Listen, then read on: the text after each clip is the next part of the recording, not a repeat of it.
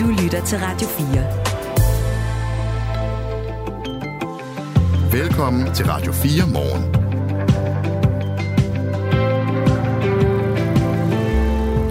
Vejrudsigter, de vender altid forud, men hvis man skulle tage den bagudrettede vejrudsigt, så vil jeg fortælle dig, at det har regnet.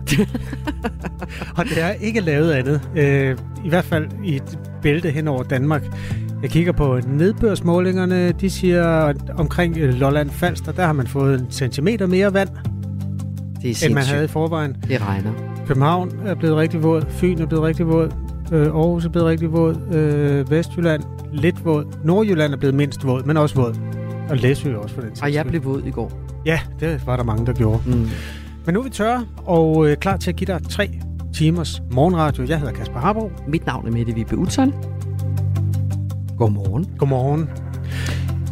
Nu skal vi jo øh, sådan... Øh, vi er rundt om mange ting i dag. Kan man ikke godt sige det den her morgen? Tre timer, hvor vi begynder med at snakke om, at vi er nødt til at øh, indføre robotter teknologi på plejehjemmene, og vi kan lige så godt gå i gang med det samme, fordi på et eller andet tidspunkt, så slipper de her varme hænder op. Øh, hvordan kan man lære af Japan, når man gør det? Det øh, får vi at vide øh, mere om øh, lige om lidt. Noget, vi måske også kunne lære i Japan, det var at drikke lidt mindre. Øh, sagen er den, at der er kommet nye regler, og de rammer som altid de unge.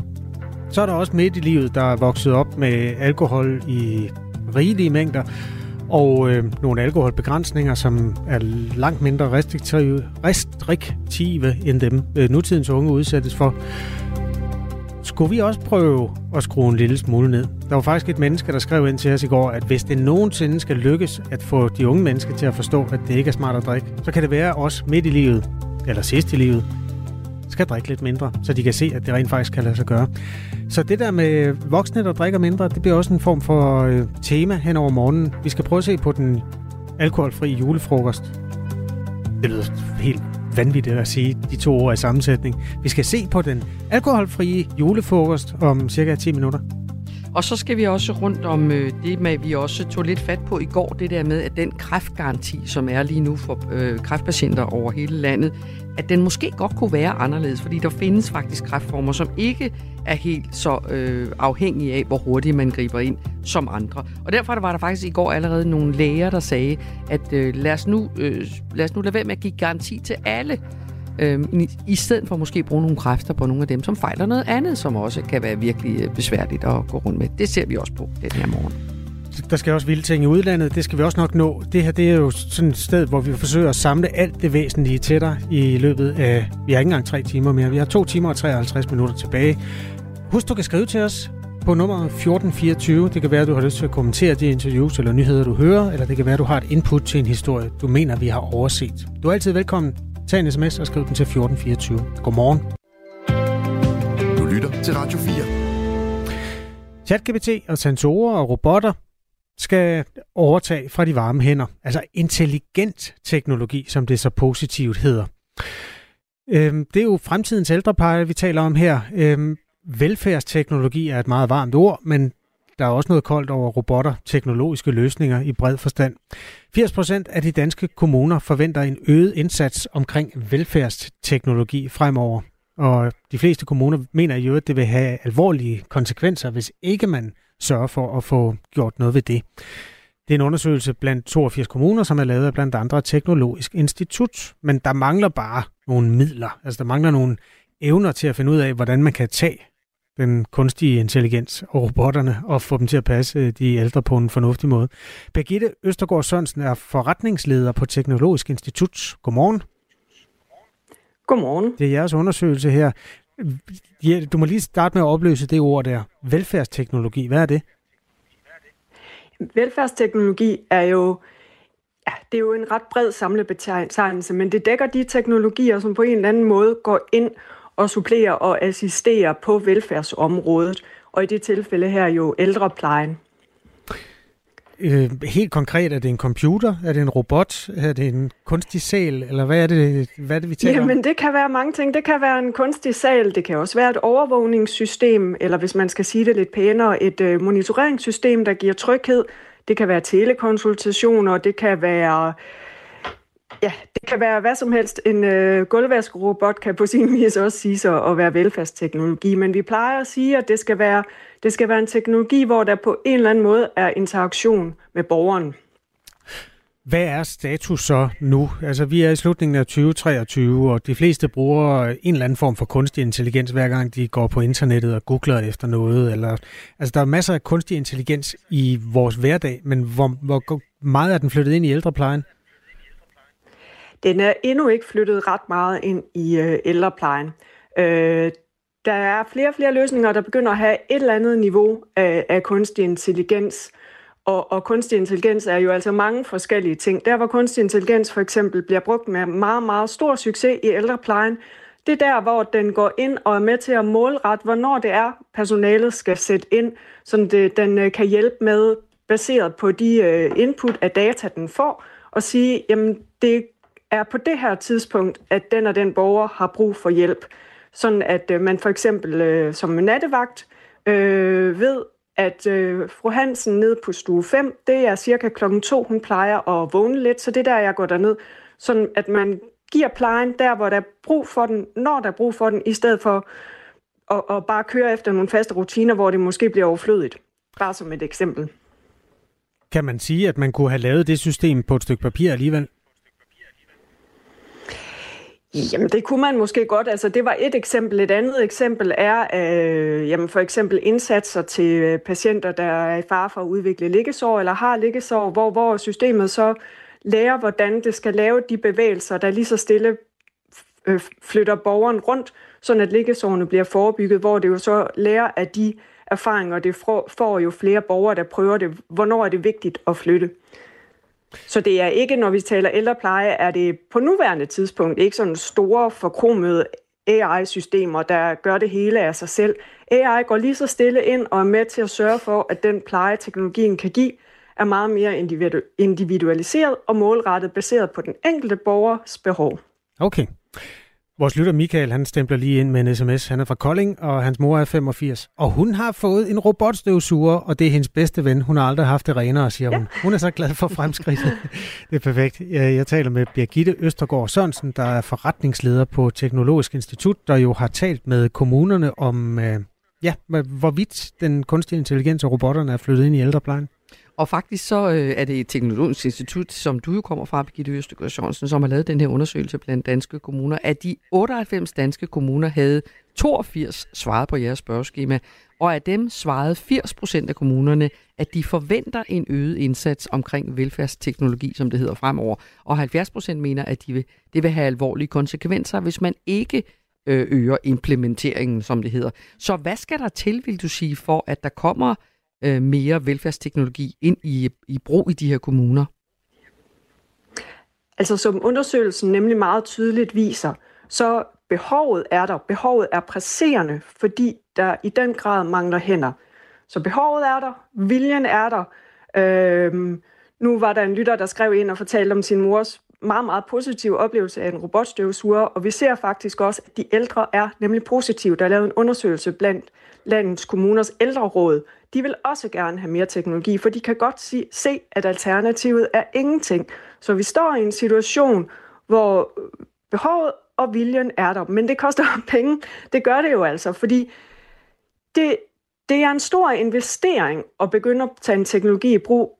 Ikke bare skal den købes ind, man skal også lære medarbejderne op i at bruge den, og det er ikke noget, man bare lige gør på, på et uh, halvdagskursus. Det tager lang tid, og man skal blive ved med at følge op, før den er integreret i øh, arbejdsrytmerne. Øh, så det koster penge, og det er ikke noget, der nødvendigvis lige kan ses på kommunernes bundlinje det første år. Så det skal man være indstillet på, at det her det er en langsigtet løsning, som er nødvendig. Og når det så er sagt, så er der faktisk også, det viser undersøgelsen også, rigtig mange af kommunerne, som begynder at opleve, at velfærdsteknologi faktisk sparer dem penge. Ikke forstået som, at det er en spareøvelse, hvor man fyrer medarbejdere eller noget som helst, fordi de medarbejdere findes jo ikke, men det sparer dem penge, fordi det netop på grund af blandt andet kunstig intelligens kan gå ind og gøre nogle processer mere effektive. Jeg hæfter mig også ved, at I har sendt det her spørgsmålsskema ud til 98 kommuner, fordi der er 98 øh, kommuner i Danmark, og 16 ja. af dem har åbenbart bare smidt det i skraldespanden, fordi de til velfærdsteknologi. Øh, det, vil de, det, det har de simpelthen ikke svaret på. Ved du, hvorfor de ikke har svaret på det? Det ved jeg ikke. Det kan være landet i en mailbox og være øh, røget langt ned, før man, ja, så man glemmer den. Okay. Det, jeg synes i hvert fald, det er en tilstrækkelig svarprocent til at sige, at det her, det, øh, det er øh, generelt. Også når man, man så snakker med de enkelte kommuner, så, så, øh, så er det jo et virkelig, virkelig stort problem. Man, ser, man hører om kommuner, der har hjemmeplejeteams, der kører med en tredjedel af den bemanding, de egentlig er normeret til for at klare deres opgaver. Så, så velfærdsteknologi er ikke længere et need to have, nej, nice to have, det er et fuldstændig bydende need to have for at kunne opretholde velfærdsniveauet i kommunerne. Man kan jo se, at øh, også på vores øh, lytterhenvendelser, at der er en vis modstand mod teknologi. Altså, der er, men også fordi vi vel alle sammen er lidt bange for, at pludselig står en robot ved siden af sengen, og ikke et rigtigt menneske, når vi bliver gamle. Øh, mærker I også det i Teknologisk Institut, altså at, at der også ude blandt kommunerne måske er den her sådan ellers mange tak, vi vil hellere have varme hænder holdning? Det gør vi faktisk ikke, nej. Den har måske været der tidligere, men nu er erkendelsen af, at der ikke er et alternativ. At der simpelthen ikke er de hænder lige meget, om man så giver dem det dobbelte i løn, så, så står vi over for en befolkningsudvikling, hvor der bliver flere og flere ældre og færre og færre yngre. Så der er simpelthen ikke noget alternativ til at tage teknologi i brug. Jeg kan så også rigtig godt lide, i stedet for at sige, at teknologien skal ind og erstatte de varme hænder, så kan jeg rigtig godt lide at bruge den formulering, der hedder, at teknologien skal supplere de varme hænder. Fordi det er ikke sådan, at der lige pludselig står en eller anden menneskelignende robot ved siden af sengen i stedet for en sygeplejersker. Det, det, det, det kommer ikke til at ske. Øh, men, men så teknologien er noget, der går ind og hjælper og aflaster personalet, så at de får tid til de opgaver, hvor det faktisk er vigtigt, at det, at det er den menneskelige kontakt, der vægter højst. Mariem, der hører vores program, har tænkt fuldstændig samme tanke. Man kan give robotten de praktiske opgaver. Den kan få lov at gøre rent, og så kan man beholde de menneskelige kontakter, kontakter ved siden af. Det har vores ja. ældre rigtig meget brug for. Undskyld, øh, skriver Mariem til os. Jamen det er godt, at øh, du vil hjælpe os med at udlægge undersøgelsen og svarene fra de her øh, 82 kommuner, der har kunnet svare på det. Tak skal du have, Birgitte Østergaard Sørensen. Det, det var så lidt.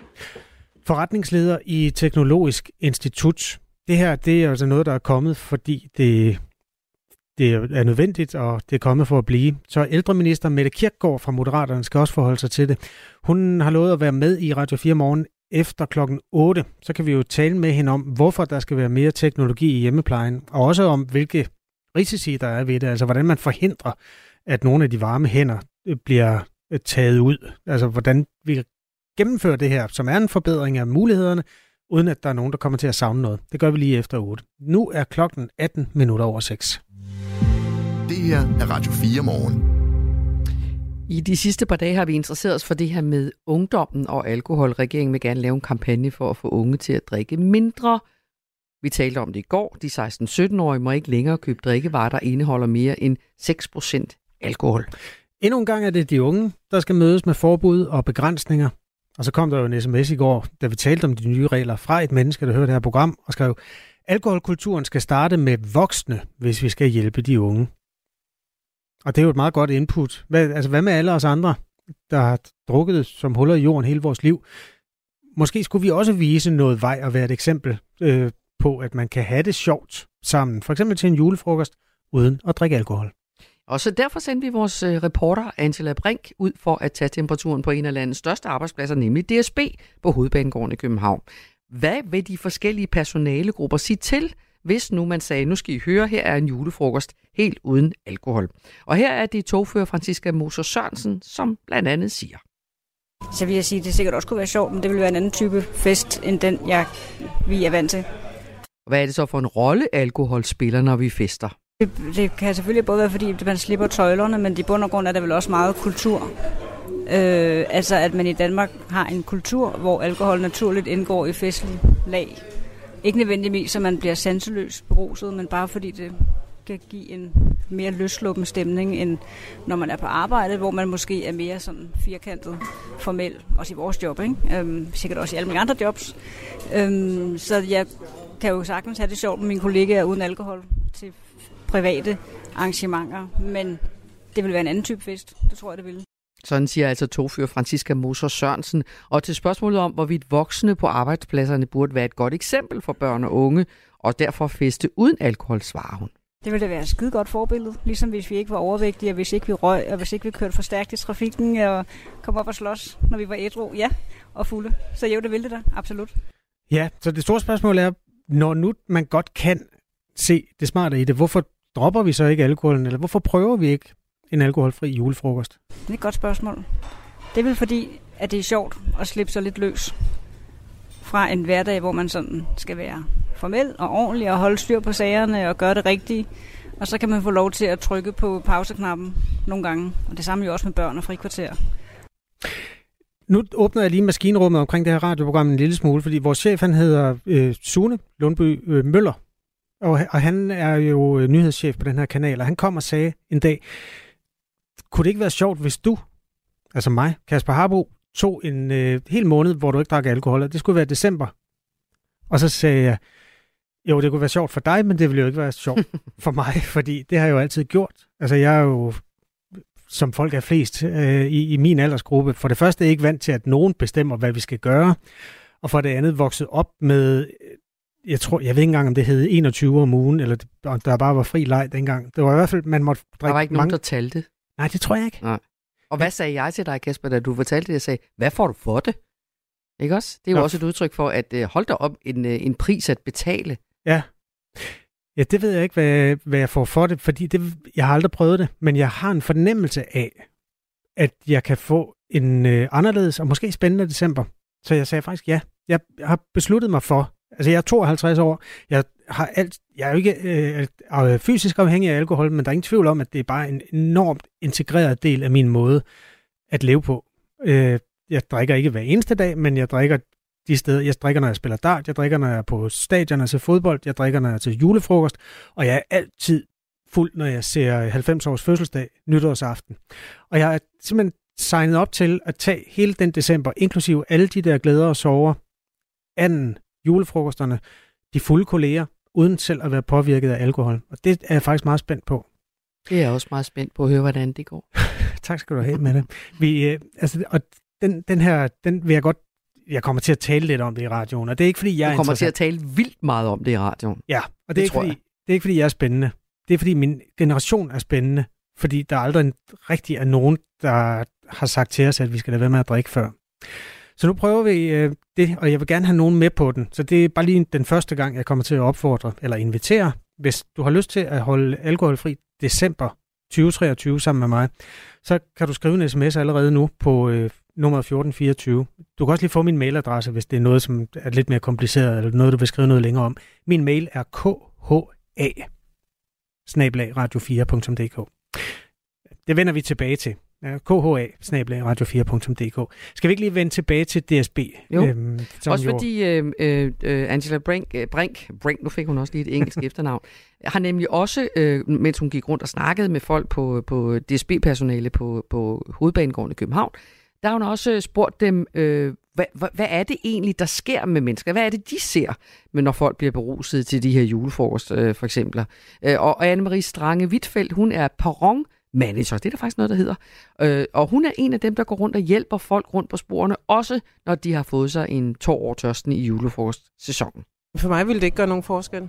Øh, Jeg synes, at jeg stadigvæk øh, har det rigtig sjovt, selvom med, jeg ikke øh, drikker alkohol. Jeg tror, øh, der er mange ting, der vil gøre det rigtig meget nemmere i forhold til øh, folks øh, fald og ulykker, og hvordan vi står og lapper dem sammen. Øh, Det har jeg allerede gjort et par gange her i den uge ja. I går var der to på en gang, og i forgårs var der en. Jeg brugte en time og 20 minutter på. Øh, Det er store flænger, og folk, der er lige ved at falde i sporet, og som vi prøver på at sørge for at holde sikre. Faktisk kunne det jo også være interessant, Kasper, hvis vi i forbindelse med dit eksperiment, og måske nogle af lytternes, Mm. mm. undersøger, om der vil, altså hvor mange ulykker sker der egentlig i december måned med folk, der falder rundt. Det lyder jo faktisk ret voldsomt, øh, det hun skal i hvert fald stort tage sig af på hovedbanegården i København. Ja, og i det hele taget, så er der sådan en hel masse små og store ulykker, uheld, øh, dumheder, der, der hører alkoholen til. I weekenden, der var jeg en tur på øh, den fastfood-restaurant, familierestaurant, der hedder McDonald's i øh, Aarhus. Og der stod en mand på min egen alder, som øh, havde været et eller andet sted hen med sine kolleger den der fredag. Og han havde købt nogle bøger, eller bestilt nogle bøger, og så skulle han betale med sit dankort, og han kunne ikke huske koden. Og han stod der og, og brugt, jeg tror 10 minutter på at stå og fumle med det der kort, og så bippede han det ind igen, og så stod han og ledte efter en eller anden note, han havde i sin telefon, hvor han havde skrevet koden op. Og det var så uværdigt, det var så ubehjælpsomt. Jeg tænker bare, det er, det er en civilisation i komplet opløsning, som vi bare altså, stemte ind på hver eneste øh, december. Altså i virkeligheden året rundt jo. Så det, jeg synes, det kunne være sjovt at prøve at, at undvære det. Og måske undgå, man også undgå nogle andre ting. Togfører i DSB, Ali Bella Louis, han kunne godt tænke sig, hvis der faktisk var alkoholfri julefrokoster. Og her fortæller han, hvorfor. Det vil være rigtig fremragende, så er der mange, der kan deltage, og så undgår vi også de der ballader, der sker til sidst, når der er alkohol på. Ja, fordi han oplever, at det er sidst på aftenen til julefrokoster med drikkevarer, at tingene godt kan stikke af og blive ubehagelige faktisk. Men if ejner fortæller mig, at det sker faktisk, i stedet for at vi har de der gode forhold til hinanden, så kommer der nogle ballader. Det er ikke så meget, men, men det sker. Så kan vi undgå på den måde, at uh, der sker de der uheldigheder til sidst. Men min erfaringer tidligere viser mig, at uh, vi bliver, altså jeg selv var med uh, og drak også, uh, vi bliver faktisk meget underlige. Og så, så lige pludselig uh, slipper vi de der himmeliner væk, og så er det ikke, uh, så, så, så alt bliver muligt, og, og det, til sidst har jeg sagt til mig selv, ærligt, alle undgå. Fordi i stedet for at få venner, så får du fjender. Og, og det, det er godt. Så jeg tror, ideen med at undgå alkohol til frokost vil være rigtig, rigtig, rigtig godt. Især for de unge. I dag snakker vi om, de unge skal købe alkohol, når de er 18. Jeg synes, det vil være rigtig på plads, på sin plads. Ja, vi var jo altså på en af Danmarks store arbejdspladser, hvor der er fart på. Det var der øh, også i baggrunden lidt støj der, men man kunne godt høre, hvad Ali sagde, selvom at, øh, det, ja, dagen gik sin gang på hovedbanegården i København. Lokofører hos DSB Arne Jensen, han har selv valgt alkoholen fra, mere eller mindre. Ikke bare til julefrokost, men i hele taget. Det er øh, den vej, jeg selv går i øjeblikket, øh, at øh, blive mere og mere alkoholfri. Øh, fordi jeg opdagede, at det handlede måske om en slags afhængighed. Og så har jeg igennem det sidste øh, år stort set øh, tænkt på afhængigheder i mit liv. Og, øh, og alkohol er en af dem, sukker er en anden, kage, søde sager, øh, alle de der fristelser, der ligger, som øh, var en glimrende lejlighed til ligesom at sige, prøv at stoppe med det. Og så havde jeg et over, en overvægt, øh, som jeg øh, ved hjælp af non-alkohol og ingen kager, og øh, så noget faste, så har jeg tabt mig godt og grundigt. Så, øh, så det var en glimrende lejlighed. Og det er ikke sådan, at jeg fornægter alkohol eller noget.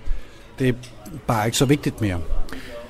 Arne her, øh, som altså er lokofører hos DSB, han mener, det er relativt nyt, at alkohol er en ting, som alle har råd til i ubegrænsede mængder. Og så øh, er der jo ikke sådan, at der historisk har været meget overskud i, øh, i verden og i, i folks liv.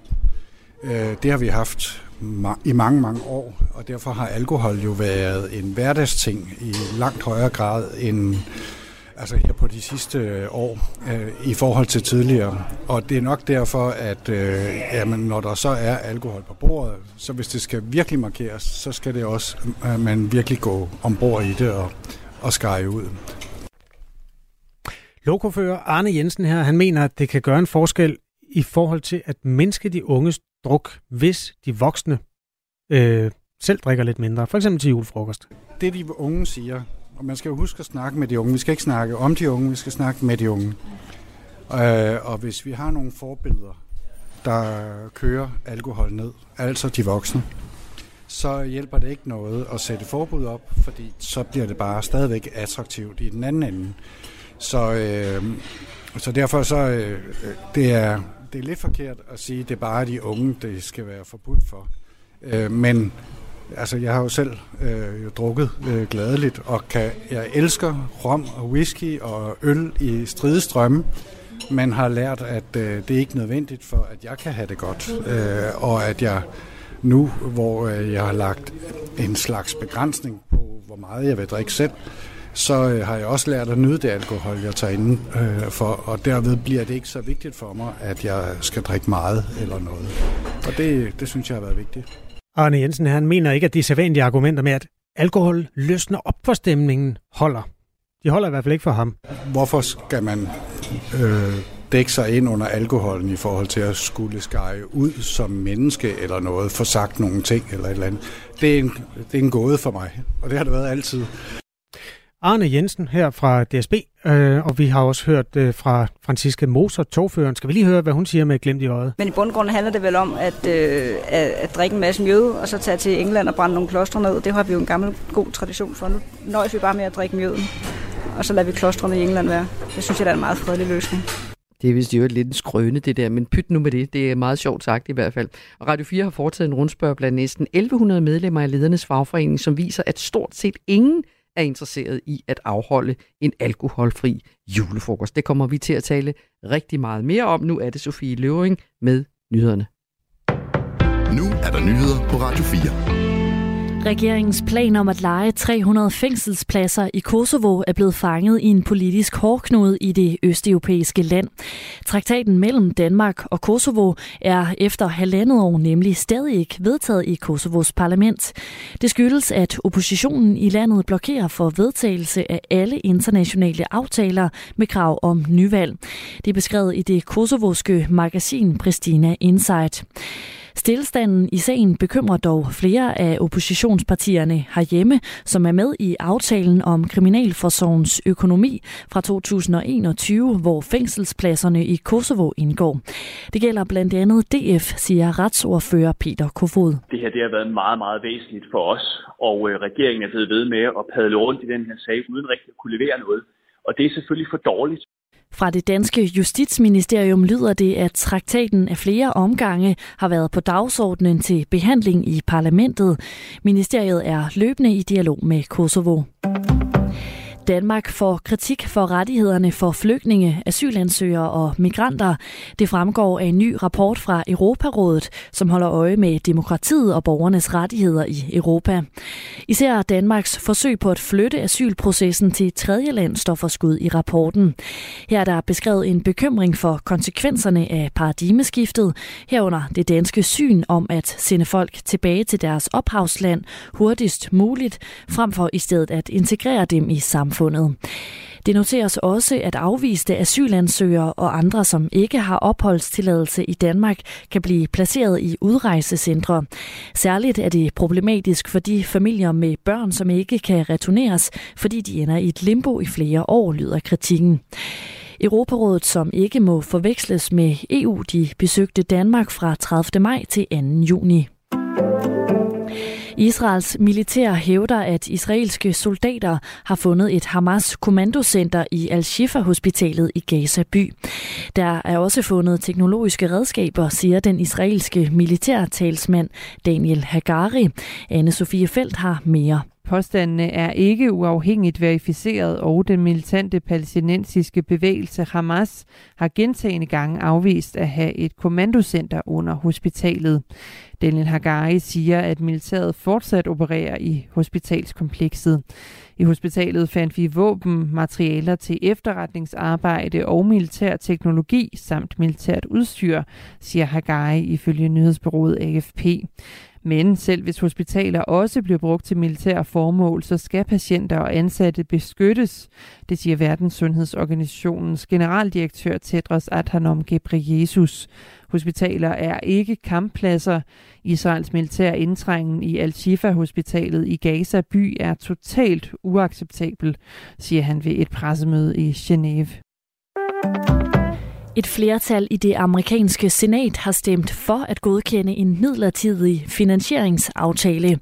Aftalen afværger dermed en nedlukning af dele af regeringsapparatet, skriver nyhedsbyrået Reuters. Republikanerne og demokraterne i repræsentanternes hus blev enige om den midlertidige finansieringsaftale, som dermed blev sendt til afstemning i senatet. Aftalen sikrer visse dele af den offentlige sektor finansiering frem til den 19. januar, og andre dele er finansieret frem til 2. februar. Aftalen skal underskrives af den amerikanske præsident Joe Biden inden fredag, hvis den skal nå at træde i kraft, inden den nuværende finansieringsaftale udløber.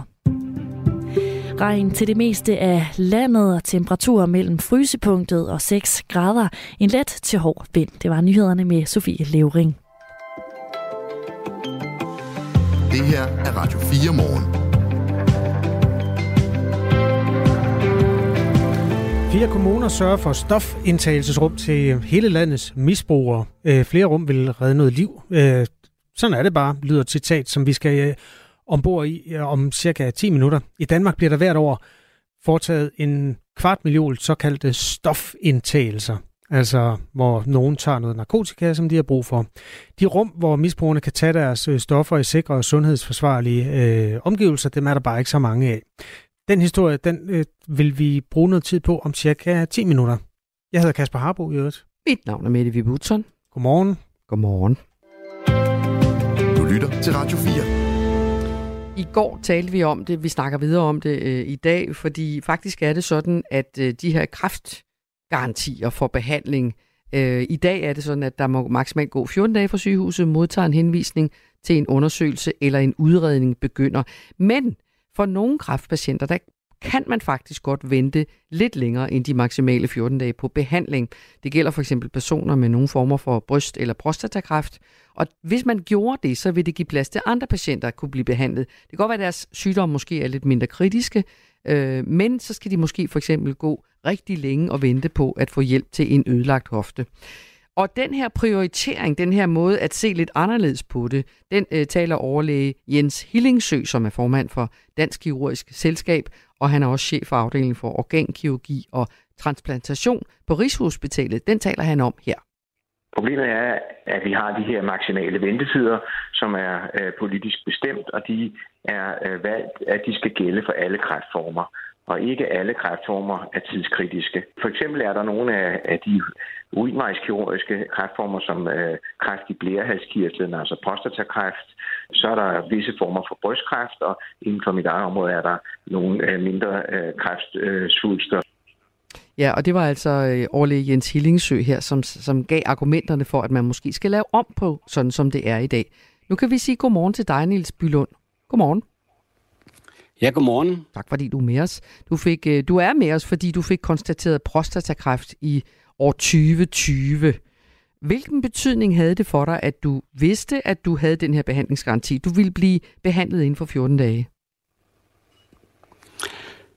Jamen, øh, jeg var da glad for, at jeg havde den behandlingsgaranti. Øh, man var jo rystet, øh, da man fik sådan en diagnose. Øh, og øh, jeg kan sige i dag, efter det der er gået tre år, at jeg har været rigtig glad for det behandlingsforløb, jeg har været igennem. Øhm, og det har gjort, at jeg er det, der hedder kurativ. Det vil sige, at øh, jeg nåede lige at blive behandlet, inden jeg var uhelbredeligt syg. Mm-hmm. Så, så for dig var den tidsfaktor faktisk vigtig? Ja, det var uhyre vigtigt. Man kan selvfølgelig sige, at det var min egen skyld, at jeg ikke gik til lægen noget tidligere, øh, fordi de her formentlig kunne hvad hedder det, konstatere min øh, prostatacancer øh, både et halvt år og et helt år før, øh, da det er, og det er jo det, lægerne siger rigtigt, øh, en langsom voksende kraft øh, for, for, for de fleste. Selvom jeg skal også sige, at der er det også nogen, der får det en meget aggressiv og hurtigt voksende kraft. Så derfor var jeg glad for, at jeg kunne nå at komme i behandling, og øh, er det, der hedder kurativ behandling i dag. Og hvor, lad os lige, hvordan har du det i dag, Niels Bylund? Jeg har meget svært ved at høre dig. Øh, du har svært ved at høre mig. Kan, kan vi skrue op? lydmæssigt, fordi jeg, jeg kan næsten ikke høre noget. Nej, det er virkelig irriterende, når man bliver interviewet, og man ikke kan høre, hvad der bliver spurgt om. Lad os se, om ikke vi kan gøre et eller andet med at skrue op. Går det bedre med at høre, hvad jeg siger nu? Det er meget, meget lidt. Altså, det er, den er helt nede. Du taler for meget. Øh, Men øh, jeg, kan godt, jeg kan godt høre lidt. Nu kan jeg, nu kan jeg høre et eller andet, nogle andre, der snakker til dig. Kan det passe? Ved du hvad, jeg tror simpelthen, vi gør det. Jeg kigger lige ud på dig, Ida, der hjælper os med programmet her, at vi ringer op til Nils, så han har en chance for at høre, hvad vi siger, når øh, det, det er en fordel, når man skal interviewe. Lad os gøre det. Og så kan vi jo i mellemtiden lige fortælle lidt om, hvordan systemet er nu, fordi for kræftpatienter må der i dag maksimalt gå 14 kalenderdage fra sygehuset modtager henvisning til en undersøgelse eller en udredning skal starte, skal begynde. Og derefter må der maksimalt gå 14 dage igen fra undersøgelsen eller udredningen er afsluttet, indtil man så har takket ja til tilbud om behandling, eller at behandlingen begynder. Og de her regler for de maksimale behandlingstider betyder, at kræftpatienter bliver prioriteret først. De kommer simpelthen foran i køen, når det kommer til behandling i sundhedssystemet. Og her må så andre patienter med mindre kritiske sygdomme i nogle tilfælde vente længere tid på behandling. Det er altså det, vi snakker om nu. Og nu skal vi lige høre, om vi har vores gæst med os igen. Niels Bylund, som er en af dem, som fik konstateret prostatakræft. Det gjorde han for tre år siden tilbage i 2020. Og der bliver, der bliver ringet øh, hæftigt på telefonerne ude i vores øh, teknikrum, kan jeg se. Det vi gør, det er, at vi vender tilbage til øh, Niels lige så snart det kan lade sig gøre. Øh, er der noget nyt, Ida? Jeg kigger lige ud på dig. Ja, der, der sker noget lige om et øjeblik. Det her det er Radio 4 Morgen, øh, tre timers nyhedsmagasin, og noget af det tager altså form øh, mellem hænderne på os, fordi nogle af historierne er meget aktuelle, og det er derfor, det kan åbenbart gå en anelse for stærkt. Det må du simpelthen undskylde, dig der er medejer af den her, øh, det, det her dejlige land, og dermed også medejer af det radio, som vi laver til dig nu. Jeg tror, vi har Niels med os. Godmorgen, Niels. Ja, godmorgen. Er det bedre det nu, bedre. Niels, Niels Bylund? Ja, du kan bedre? Nå, irriterende. Men vi var ved at tale om dels, hvordan du har det i dag, og hvordan du oplevede, at for dig var det super vigtigt, at der var den her garanti på 14 dage. Og vi diskuterer det her med, kunne man eventuelt rykke nogle kræftpatienter øh, lidt længere ned i køen, og så tage nogle andre, der også har sygdomme, som kræver behandling, og som måske er meget generende. Men du var ved at fortælle, hvordan du egentlig har det i dag. Ja, altså, ja, det der hedder kurativt behandlet, det vil sige, at noget lige nøjagtigt at komme igennem et behandlingsforløb, øh, som gjorde, at jeg kunne blive rask. Øh, der er ganske vist ikke nogen læger, der har fortalt mig, at jeg er rask. Øh, det gør man ikke, fordi der kan jo altid være nogle mikrometastaser, der farer rundt i kroppen på en og kan bryde ud igen. Men, men øh, jeg kom igennem et strålebehandlingsforløb i foråret 21, og øh, kom igennem sådan en antihormonbehandling, øh, øh, som selvfølgelig har givet mig en masse bivirkninger, men det er en helt anden ting, øh, som fjerner testosteron i kroppen, og det gør den, det skal den, fordi at øh, testosteron er føde, øh, det man siger, at kræftcellerne lever af, øh, og det er klart, når man så fjerner dem, så har de ikke noget mad, og derfor øh, reducerede det min kraft ganske betydeligt i løbet af meget, meget kort tid. Mm-hmm. Du har sat dig godt ind i dit sygdomsforløb, kan jeg godt høre. Øh, det må også være rart at føle, at man har en eller anden form for øh, kontrol, eller hvad man i hvert fald forsøg på at få kontrol med, hvad der sker. Ikke? Men i den her Jo. situation, hvor vi taler om det her med, at lægerne siger, altså at det her med, at man automatisk kommer foran i køen, når, når det er kræft, man lider af, at det skulle man måske prøve at se lidt mere nuanceret på. Hvad, hvad siger du til det? Altså, det starter jo helt ovenfra, at, at når de er ude med sådan et budskab nu, så er det jo fordi, de mangler hænder, de mangler personale, de mangler kolleger, der kan hjælpe dem. Øh, og så kigger de selvfølgelig på, på, om der vil være nogle muligheder for at kunne skubbe en bølge foran sig, som jeg ser det. Øh, og det er da også, jeg er ikke læge, men, men det er da muligt, at der findes nogle, nogle kraftformer, eller man kunne også vende rundt, og det talte jeg også lidt i går med din kollega om, Sofie, at øh, hvis man kommer ind, øh, siger bare noget som øh, 90-årig og har prostatakræft, øh, så er det måske ikke øh, lige her og nu, man skal i gang med en kniv og skære ud og gøre ved og ting og sager. Øh, der handler det måske mere om det, der hedder noget livsforlængende eller noget andet, øh, hvis det ikke er noget, der påvirker ens livskvalitet ganske alvorligt. Øh, så selvfølgelig vil der være nogle muligheder for nogle prioriteringer. Jeg siger bare, at for mit eget vedkommende, øh, der handlede det her om dage. Altså, hvis det, hvis det var, jeg var gået over julen der i 2020, øh, så havde jeg formentlig haft uhelbredelig kræft i dag. Mm. Og jeg siger bare, rent samfundsmæssigt, at det er jo helt vanvittigt. Jeg har kolleger eller medlemmer i Proba, som har, fik prostatakræft i starten af 50'erne, og de har været uarbejdsdygtige i, i 20 år øh, på, på arbejdsmarkedet. Det koster jo samfundet utrolig mange penge. Samtidig øh, får vi en dyr medicin. Øh, ja, det er, det, er en, det er en dårlig forretning simpelthen. Men nu lader jeg mærke til også, at du, Niels Bylund, i begyndelsen sagde nærmest i en bisætning, nu var jeg måske også for længe om at gå til læge, sagde du. Og der er du ikke alene. Det er der jo rigtig mange andre, især mænd, som er længe, ja. øh, længe om. Altså, ville det på en eller anden måde kunne gøre, at man, man kunne skubbe jer lidt længere frem i at gå til den første undersøgelse, hvis man ikke vidste, at man havde ligesom en behandlingsgaranti? Eller er jeg, nu strammer jeg den nu lige lovlig meget? Nej, altså øh, vi har, jeg har en helt anden øh, indgang til det her. Altså på samme måde som man øh, en gang imellem øh, skal aflægge en fækalprøve for at finde ud af, om man har øh, tarmkræft, øh, og som kvinder går ned og får noget mammografiscanning, burde vi mænd jo øh, få øh, blive indkaldt øh, via e-boks øh, årligt til at lige få aflægget en blodprøve. En blodprøve, ikke? den koster måske et par hundrede kroner at få taget, og tager øh, 10 minutter. Øh, og i den kan du afsløre, øh, hvor dit PSA-tal ligger. Jeg ved godt, at PSA er ikke entydigt, øh, en entydig markør for, om du har prostatakræft, men den er... Altså, hvis jeg havde gjort det, der er, mit, mit PSA-tal, det var 35 dengang, jeg, så ved alle, at man har en, en fremskrevet prostatakræft.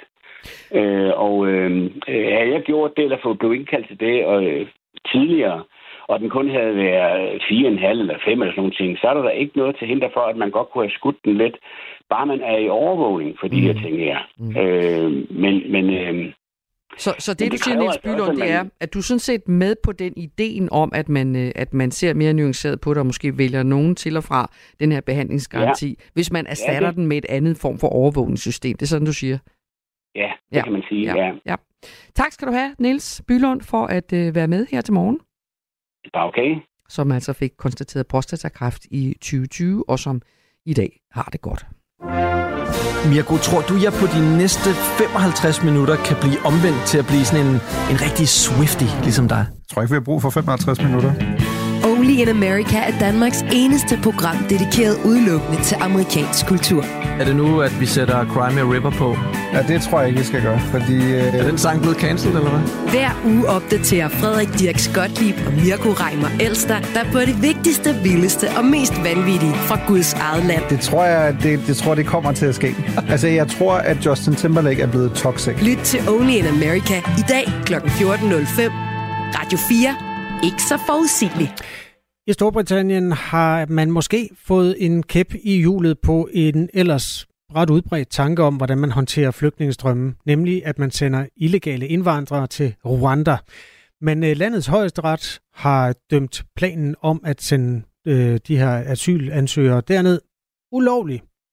I Storbritannien vil man dog stadig forsøge at få det gennemført, altså at man kan sende de her illegale indvandrere til det tidligere øh, borgerkrigshærede land.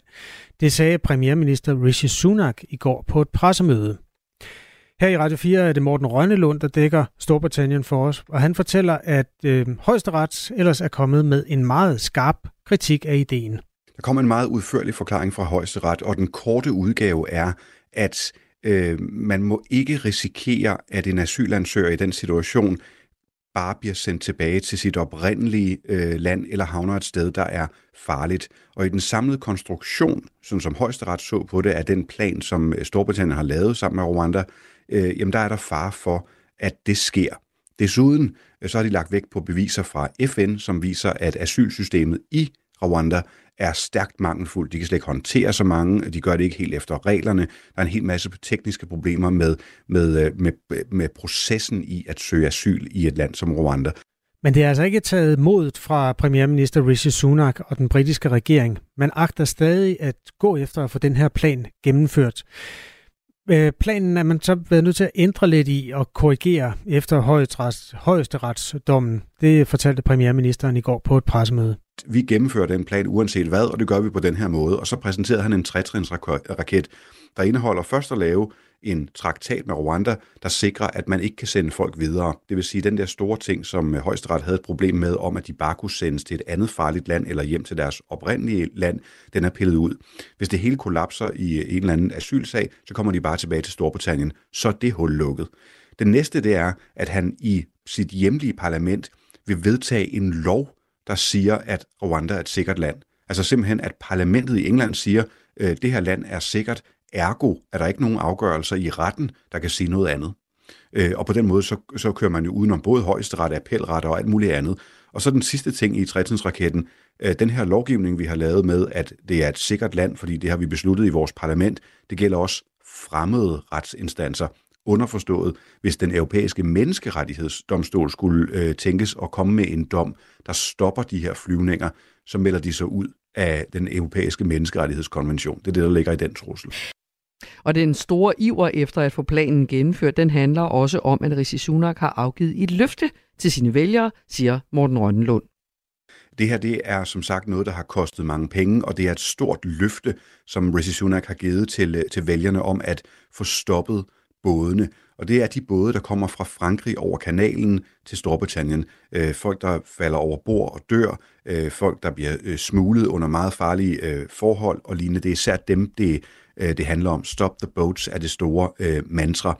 Og det er en del af forsøget på at slå ned på det, at øh, Rwanda-planen skulle, skulle gøre noget ved. Og det har man pisket så højt op som et så centralt løfte, at hvis det faldt, jamen, så vil han også falde. Og det var altså Morten Rønnelund, der fortalte om det her, som dækker Storbritannien for os på Radio 4. Det her er Radio 4 morgen. Husk, at du kan sende os en sms 1424. Hvis man er stofmisbruger i Danmark og vil tage sit fix i sikre omgivelser, så er der fem steder i landet, man kan tage hen. Altså fem såkaldte stofindtagelsesrum.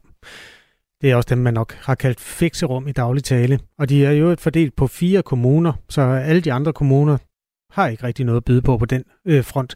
Der er to øh, stofindtagelsesrum i København, et i Odense, et i Vejle og et i Aarhus. Og det er jo altså en grund til, at misbrugere fra hele landet valgfarter til de fire kommuner. Her kan misbrugerne indtage deres stoffer i sundhedsforsvarlige omgivelser, eventuelt få hjælp til at starte behandling eller få en snak med en sygeplejerske, hvis der bliver brug for det. Janette Bauer er chef for Kirkens Kors her. Godmorgen. Godmorgen. Og driver øh, stof, ind, ja du gør ikke, men det gør Kirkens Kors her, øh, driver, de, må man ikke sige fikserum mere, skal man? Øh, fikserum er kun noget af det, der kan, foretage, øh, kan foregå i et stofindtagelsesrum. Øh, man kan også øh, ryge heroin for eksempel, så øh, i vores øh, stofindtagelsesrum har vi også øh, rygekabiner til, at man kan indtage øh, ryge heroin sikkert.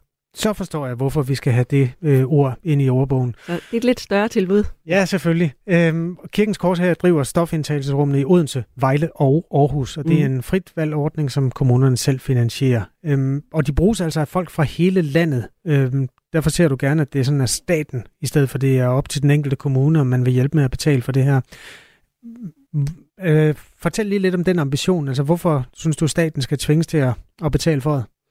Ja, det er jo, som I selv siger i oplægget, altså øh, det er mennesker, som kommer fra hele landet øh, og bruger øh, stofindtagelsesrummene, og derfor synes vi, det er helt rimeligt, at øh, vi får diskuteret, om den, øh, om den økonomi, som ligger i øh, stofindtagelsesrummene, den skal ligge hos den enkelte kommune.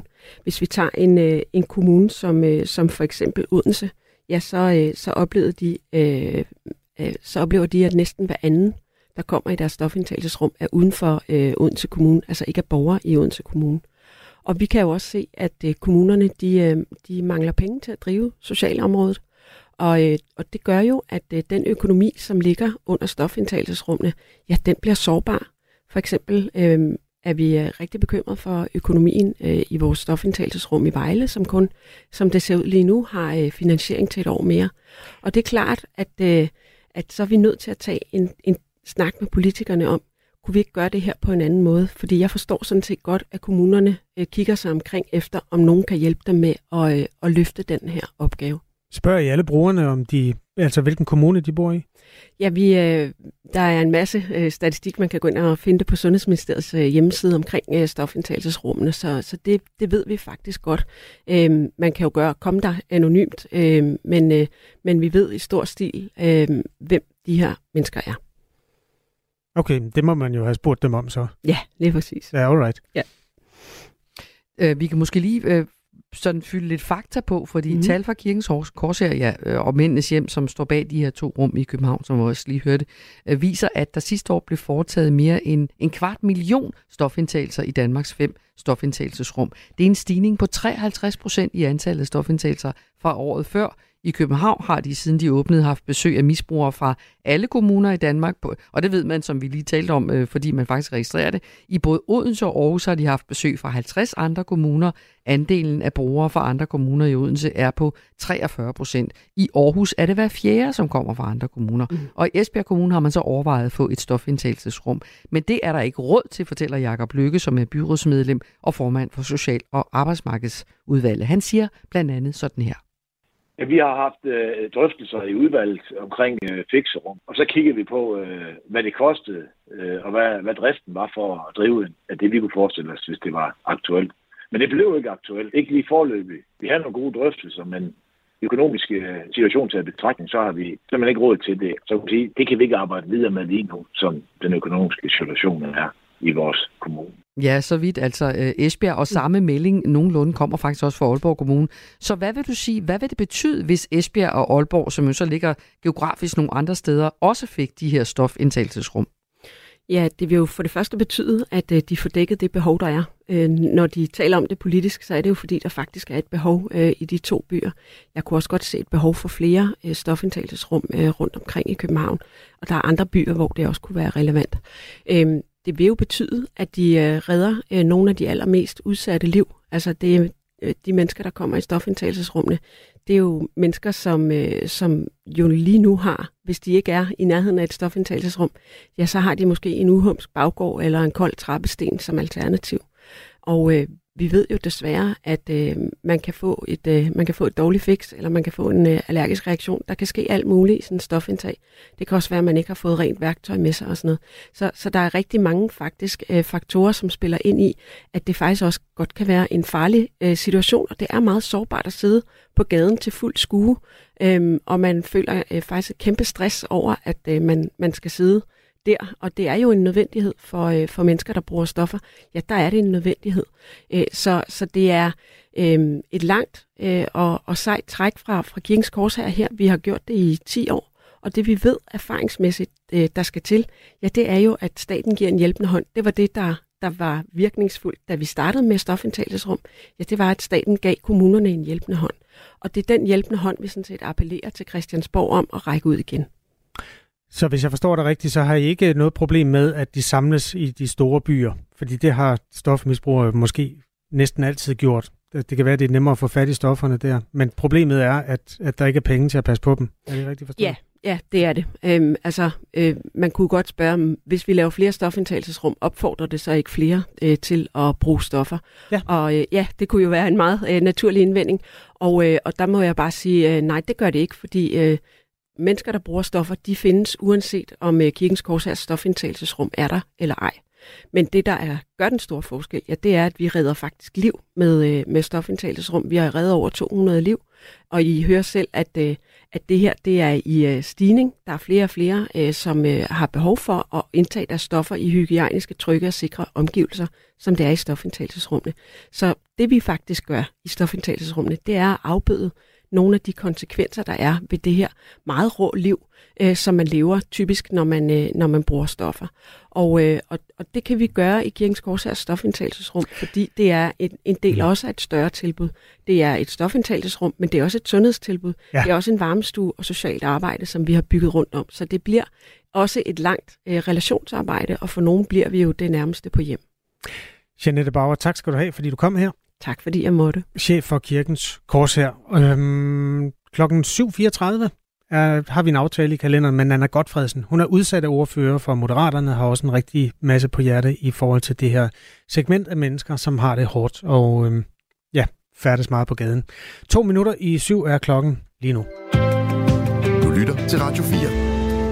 Kasper, i går der brugte vi på din foranledning synes jeg, uforholdsmæssig lang tid på at zoome ind på, hvilke hunddyr, som har en klitoris. Ja, det, det, det gjorde vi. tog lang tid. I dag synes jeg, vi Der er tager... også mange dyr, der har sådan en. Ja. Det, nu skal mange. vi ikke til at gentage det Nej. en gang til. Nej. Fordi nu synes jeg, jeg skal tage revanche. Det havde jeg næsten lovet lytterne i går, vi skulle tale om det mandlige kønsorgan, eller rettere kønsorganet på handdyrene. Okay, Vi du har gør to det, minutter. Vi gør det relativt kort. Ja. Ikke alle handdyr har en penis. Nå. Blandt fugle mangler omkring 97 procent af arterne en penis. Nå. I stedet formerer de sig gennem kloakken. Det var jeg nødt til lige at researche. Kloakken er den bagerste del af endetarmen, hvor i udførselsgangene fra nyrer og kønsorganer udmunder. Ja. Mm. De 3 procent, som har en penis, omfatter blandt andet arterne strus, mm. flamingoer, hyrdefugle og mange i andefamilien. Penis hos dyr består af samme vævstype som hundernes klitoris, og ordet kommer fra det latinske ord for hale. Slutbrud, så kort kan det gøres. Hvis du lige har tændt for Radio 4 morgen, så skal du vide, at du har hørt en oversigt over, hvilke fugle, der har en penis. Øhm, tak skal du have, Mette Vibe Utzon. Velkommen. Skulle det være en anden gang? Jamen, det, hvis der er nyt i sagen, så må du gerne... øh, vi kan lave en jingle, der passer til. Jeg havde håbet, du ville blive vildt rystet, Kasper Harbo. Du sidder bare fuldstændig iskold. Ja, Og jeg har fulgt meget med i, i det med pæne, pæne, hvad hedder det i flertal?